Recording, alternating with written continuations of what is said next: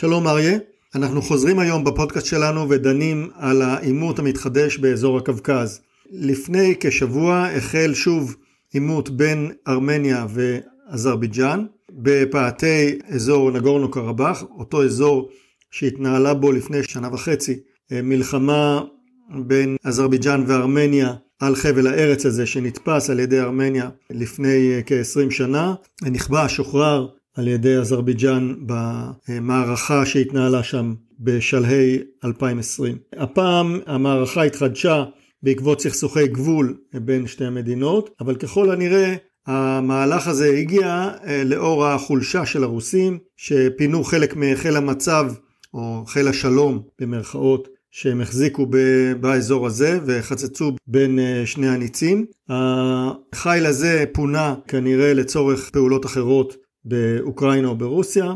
שני הצדדים החלו להתנגח אחד בשני.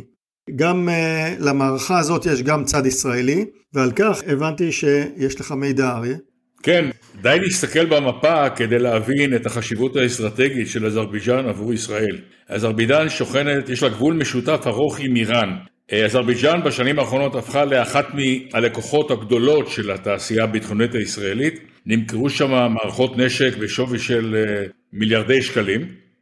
בעימות הקודם מערכות אה, ישראליות, בעיקר מערכות נשק משוטטות שהופעלו על ידי אזרבייג'אן, גרמו נזקים ואבדות לצבא הארמני. בעימות המתחדש שאתה דיברת עליו, במקרה אחד שצולם ודווח, מערכת משוטטת אה, מדגם הרו מתוצרת התעשייה האווירית השמידה אה, סוללת טילי S-300 מתוצרת רוסיה שהפעילו הארמנים. מקורות בישראל אומרים שהרגישות הגדולה של אה, רוסיה היום, בגלל ההסתבכות שלהם באוקראינה, יכולה להביא כך שהם ישפכו את זעמם על ישראל בגלל השימוש שעושה אזרבייג'אן במערכות ישראליות. כרגע לא, אה, לא נשמעה כל אה, טרוניה רשמית אה, מצד מוסקבה, אבל בארץ נערכים לקבל הערה או אזהרה ממוסקבה על כך שמערכות נשק ישראליות משמשות את האזרים במלחמה המחודשת מול ארמניה.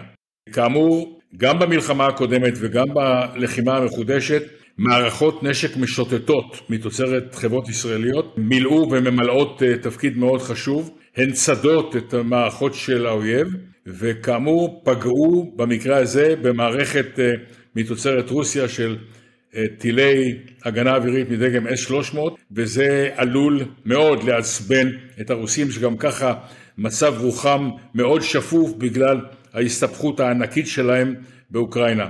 בכל מקרה ישראל לא מתכוונת להפסיק למכור נשק לאזרבייג'אן, זוהי לקוחה מצוינת וכמו שאמרתי די להסתכל במפה כדי להבין את החשיבות האסטרטגית הענקית שיש לקשרים טובים של ישראל עם מדינה כזו. צריך להבדיל בין המצב בין ישראל לאוקראינה והמצב באזרבייג'אן.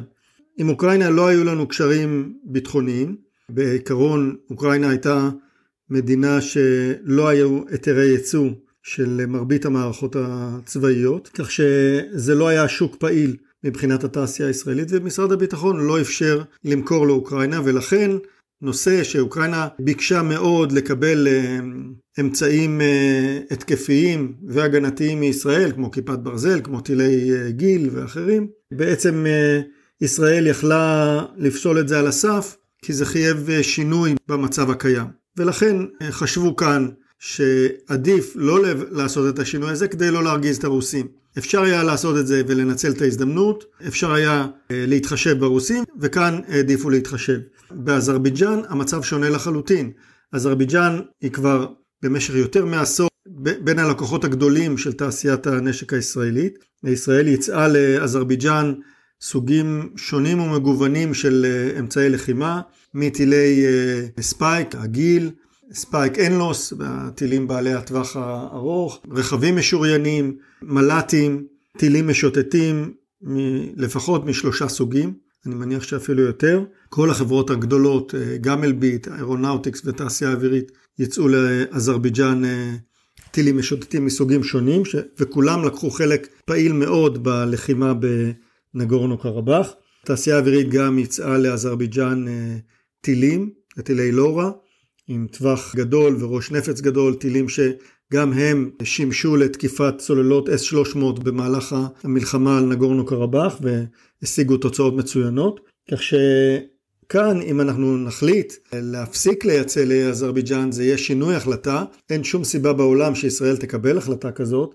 אין גם סיבה שאנחנו נפנה לאזרבייג'אן ונגיד אה, בבקשה אל תשתמשו בכלי הנשק שמכרנו לכם כדי לפגוע במטרות אה, אסטרטגיות של האויב. כך שעם הבעיה הזאת הרוסים יצטרכו להסתדר. לא נראה לי שהם יעלו איזושהי התנגדות לשימוש בנשקים הישראלים.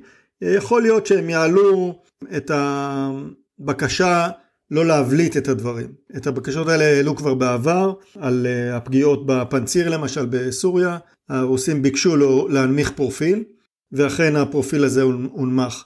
אני מניח שזאת תהיה גם התוצאה בעימות המתפתח עם אזרבייג'אן. בכל אופן אנחנו רואים את החשיבות העצומה שיש לחימושים המשוטטים הישראלים במערכה הזאת. אנחנו בעצם רואים שילוב יכולות בין מל"טים טורקיים, הביירקטר, וכנראה הם קיבלו גם אה, מל"טים יותר גדולים, לבין אה, המשוטטים הישראלים, וזה לכשעצמו נקודה מאוד מעניינת, שיתוף הפעולה והשילוב הרב זרועי הזה בין משוטטים ו...